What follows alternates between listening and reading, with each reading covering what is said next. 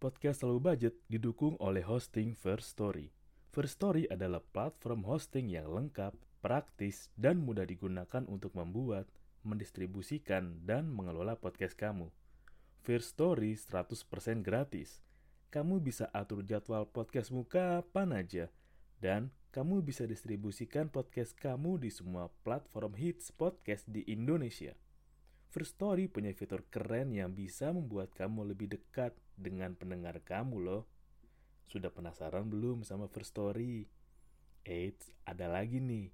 Dengan First Story Ads, kamu bisa monetisasi podcast kamu juga. Menarik bukan?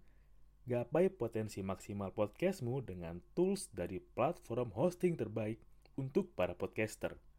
Daftar sekarang di First Story.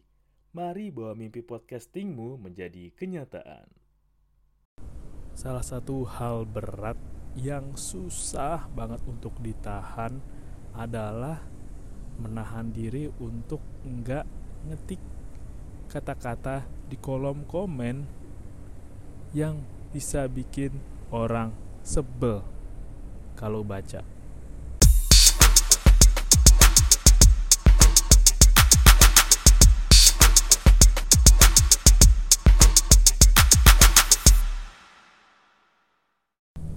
Selamat datang di Siniar. Low Budget nggak harus mahal untuk nikmatin hidup. Gua nggak tahu nih episode keberapa Jangan ditanya ya. Bikin ya bikin episode aja.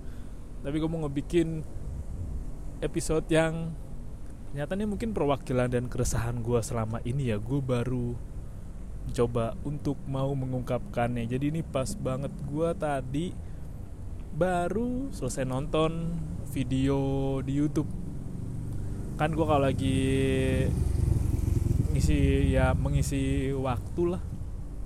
Nontonin cerita horor aja. Kadang yang lucu gitu nyari lucunya. Tapi gue barusan aja gue sebel banget dengan cerita horor. Sebel banget gue jadi lu kalau mau tahu betapa sebel gue dan video yang gue tonton yang bikin gue sebel lu bisa lihat soal ya video dari RJL 5 yang guru ngebully itu lo lihat deh. Ya, ya narasumbernya cewek sih. Gue sebel aja gue sebel banget gue dengerin dari awal. Gue sih udah feeling ini kenapa kok komennya rame ya? Pas gue liat komennya hmm oke okay, oke. Okay. komennya sih kebanyakan tidak pro dengan narasumbernya. Ya gue to the point aja karena menurut gue akan sebel nanti kita akan masuk ke sana isi komennya ya begitulah pada nanya ini harusnya begini harusnya begini. Ya mungkin dari 100 yang komen yang setuju sama narasumbernya 2, 3, 4 lah sisanya. Menghujat menghujat. Gue bisa kebayang sih gue juga termasuk yang menghujat. Tapi gue menahan jempol gue untuk tidak mengetikkan kata-kata yang menghujat. Yang bisa bikin sebel ke narasumbernya maupun orang lain yang baca. Pakai gue bales itu pakai bahasa-bahasa yang ya bahasa-bahasa gue lah. Yang harus oh yang konotasi. Komennya konotasi aja. Tapi kalau gue bilang sebel beneran sebel lu juga bakal sebel sih. Agak sedikit dipertanyakan juga dari awal cerita. Ya narasumbernya mungkin bilang dia dendaman dia punya sifat psikopat. Ya itu gue nggak tahu dulu pas sekarang ya.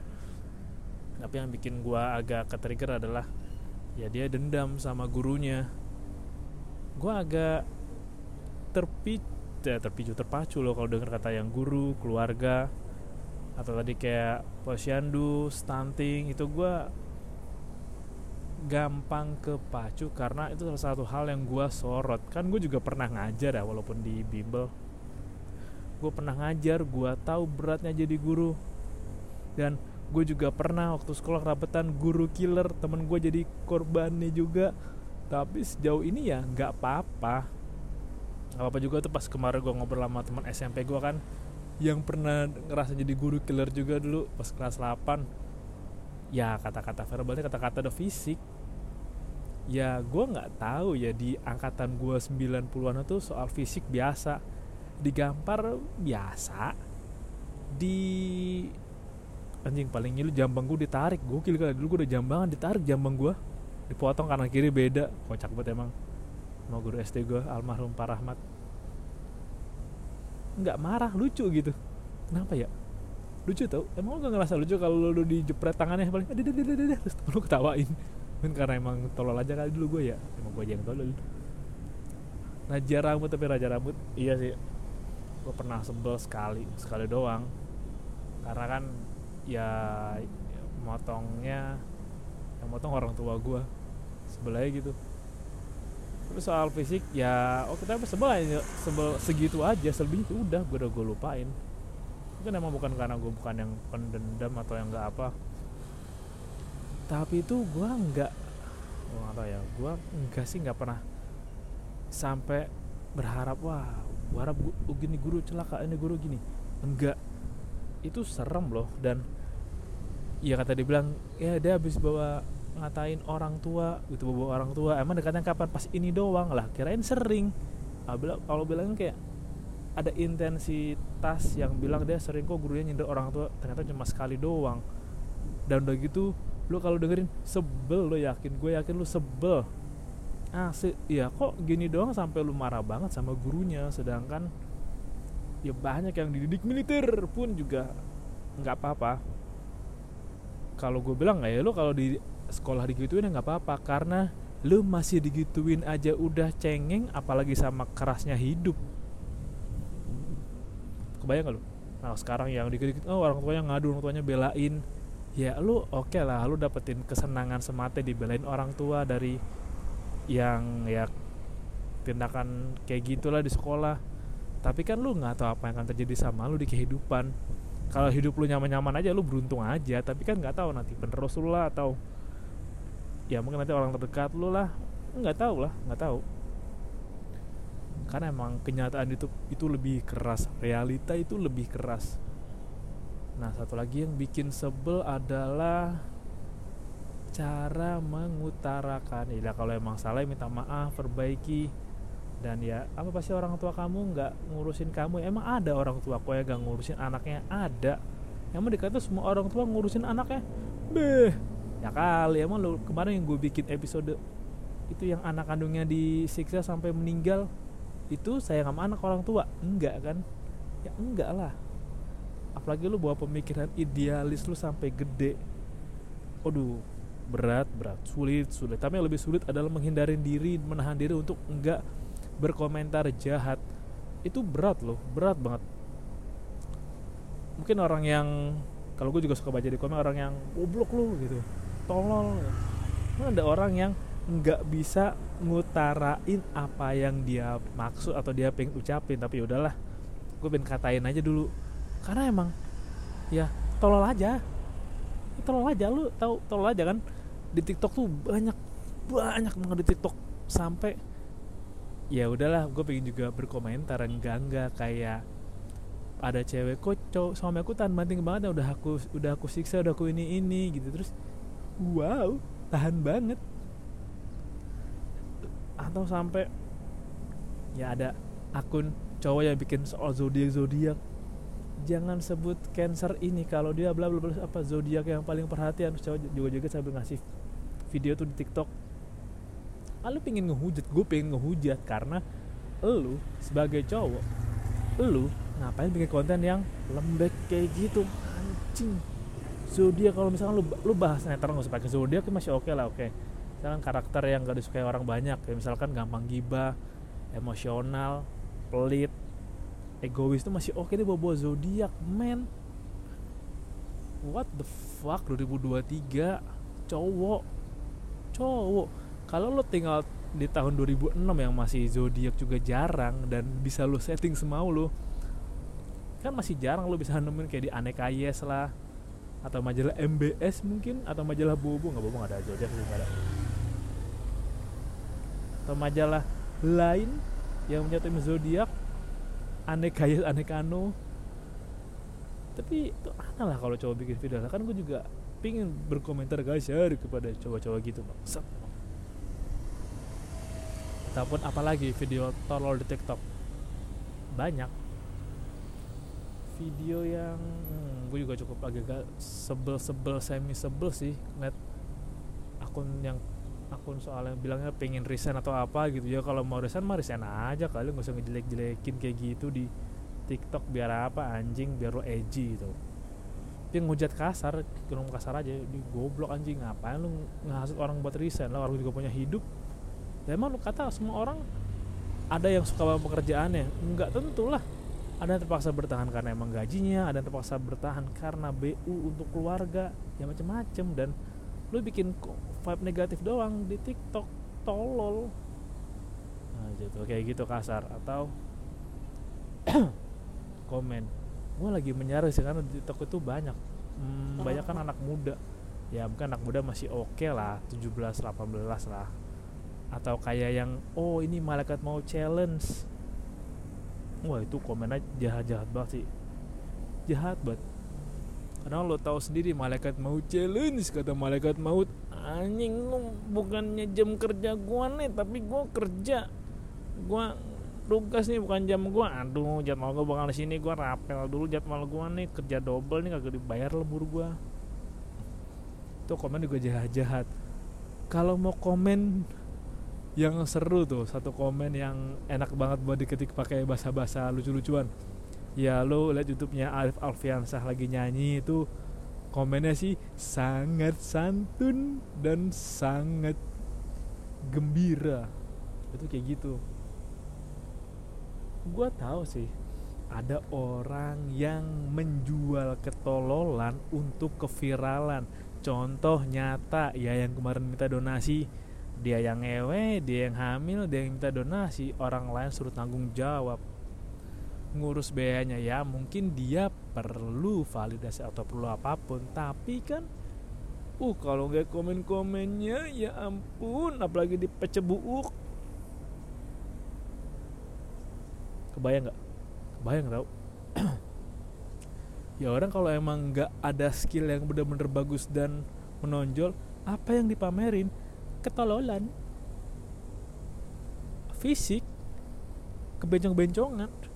Kekemayu-kemayuan padahal kalau lu mah tekun aja kalau mau sabar dikit aja kalau pelan-pelan eksperimen aja lama-lama nemu. Tapi kan karena semua serba instan semua serba instan makanya gue kalau inget jadi inget yang sapi deep talk tuh yang kemarin itu bagus loh sapi deep talk loh. Buat gue lucu sih. Berat bro kesabaran untuk tidak menghujat itu berat.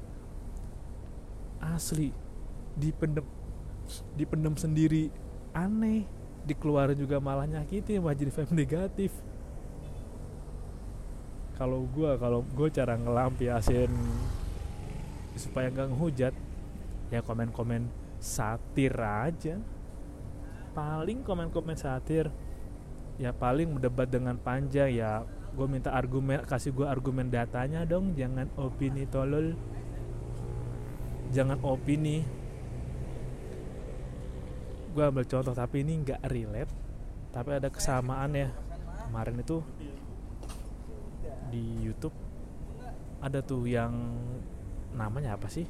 Kalau yang bukan aku punter apa ya yang dia tuh kerjaannya mijetin nggak mijetin apa sih kalau jadi ahli oh fisioterapinya atlet lah ini mungkin feeling gue tapi ban hmm, gini. Gue nggak setuju dengan kertak-kertakan. Gue pernah kertak di tempat potong rambut. Tidak enak. Asli gak enak. Walaupun ada yang bisa menimbulkan sensasi enak gitu. Kayak misalkan narik kaki itu enak gitu dari belakang yang kayak di Joseph Cipirano lakuin. Tapi nggak mau sering-sering karena gue nggak tahu apa yang terjadi di tulang ketika itu dilakukan karena ya ya kata fisioterapi. Kemarin gue lihat di YouTube di tulang itu ada saraf otot ada sendi ada lemaknya juga ada neuron dan teman-temannya. Aduh ada tulang C, TL sama S. Kalau asal kertak aja aduh ngeri banget deh. Tapi masih banyak masyarakat kita yang hmm, enak kok dipijit kertak kok lega yang penting enteng kok. Enak. Oh nggak apa-apa murah yang penting sehat sehat. Tapi setelah tujuh tahun kejut-kejut tentu kan kalau gue tahu gue pengen menghujat kan. I- menghujatnya kayak iya kalau lu lumpuh lu nggak bisa minta ganti rugi ke tempat yang bisa lu kertekin. Kalau lu lumpuh kalau lu tiba-tiba tidak bisa berdiri tegak tulangnya. Lu nggak bisa minta ganti rugi karena kan mereka cuma kata kertak. Mereka cuma asal baca saraf asal baca tulang. Terus ya kata nih kalau saya dia jalurnya begini sih jalur. Gue aja hati-hati kalau gue mau mijitin orang atau mijit orang gitu. Karena kan emang semua otot berhubungan. Paling gue berusaha nggak mau neken keras-keras karena gue tahu nih mungkin gue tahu jalur arah ya uratnya yang salah di mana lah yang sakit di mana di mana lah dari titik A ke titik B itu dihubungin ke mana kalau mencet yang sini ngaruhnya ke yang mana. Tapi gue hati-hati karena bisa jadi apa yang gue lakuin nggak akurat malah bisa nimbulin penyakit. Mungkin habis dipijit enak enteng dua hari tiga hari seminggu. Kaku tuh badan kebas. Ya kan lo pengen menghujat gue pengen menghujat kayak anjing lo kenapa lo percaya dengan yang begini harusnya lo langsung bawa ke tempat yang ahlinya ke dokternya lah. Ke ortopedi ngapain lu? Ketuk ketuk ketuk ketuk. Udah saraf nggak kejepit jadi terjepit malah kata syarat sarafnya? Aduh udah enak banget nih tulang gua nih. Enak banget kerja gua lihat berarti sarafnya kejepit terus dia "Eh, nggak bisa kerja dengan maksimal. Aku terjepit di antara tulang. Gue bayangin kalau saraf curhat sama lu curhat karena sebel gitu. Dari kerjanya enak lancar tiba-tiba lu yang bikin saraf kerjanya susah. Kebayang kan? Tuh ngehujat gampang dong. Apalagi ngehujat kayak kemarin boti. Aduh itu komen-komen di twitter sangat santun dan ramah dibaca. Walaupun ya masih ada yang kontra kayak ya emang nggak kebaca tanda-tandanya dari awal kak kalau dia emang agak melenceng? Ya kan nggak tahu. Kan ada wanita yang terlalu terlena dengan perasaannya makanya dia tidak bisa berpikir atau menggunakan pikirannya dengan logis tertutup logisnya walaupun sudah terbaca tanda-tandanya. Itu kan ingin menghujat walaupun juga lu akan merasakan kegembiraan saat ketika menghujat ketika memaki kita menghujat karena kita nggak suka dengan apa yang apa yang orang lain lihat kerjakan. Dan emang ada yang hujat yang emang sampah aja tapi kalau gue pengen hujat emang nggak suka. Nggak suka karena merugikan. Merugikan gila. Dan sudah ada UU ITE yang paling bahaya dari menghujat adalah ancaman UU ITE ya walaupun memang itu salah juga sih karena kita kan emang harus beretika baik di media sosial. Ya ada pembahasannya deh. Berinternet dengan sehat atau apa gitu. Ya kan daripada kita kasih masukan dan kritik lebih baik kita menghujat.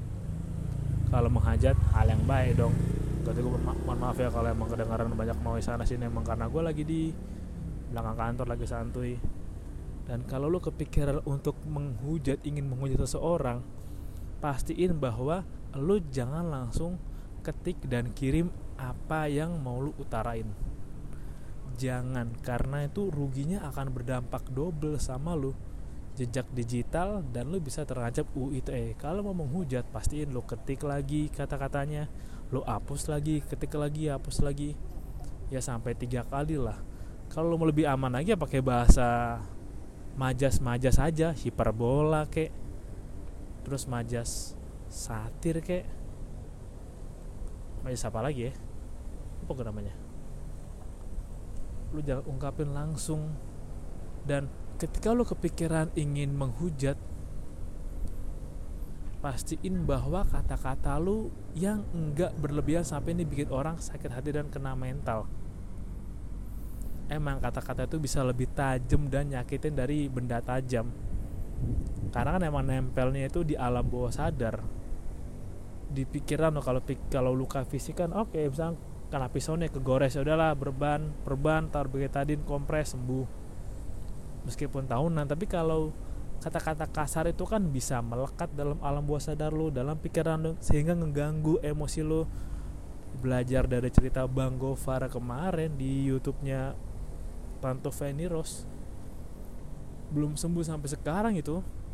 Bang Gofar karena hujat-hujatan fitnah yang dulu. Walaupun emang gua nggak percaya sih dia ngelakuin karena emang kan dari Bang Gofar yang belajar konsen kan. Dan komen-komennya udah aduh nyakitin banget apalagi sampai kena orang tuanya. Sampai ada yang komen weh gila nih emaknya. Peleceh ya sih katanya sih wah oh gila ini ini nih ibunya si pelaku gitu wah ini emaknya pelaku nih sampai adanya diserang ibunya diserang dihujat di mana-mana kena cancel kultur gua harap ya lu mau berinternet dengan sehat dan menghujat dengan sadar ke hal-hal yang emang beneran salah. Kalau emang salah, lu boleh ngehujat tapi juga dengan kata-kata yang enggak sampai nyakitin. Tahu nyakitinnya dari mana? Enggak bawa fisik. enggak bawa mental. Lu bisa dengan kata-kata yang pakai satir tadi atau dengan kritik lu lah.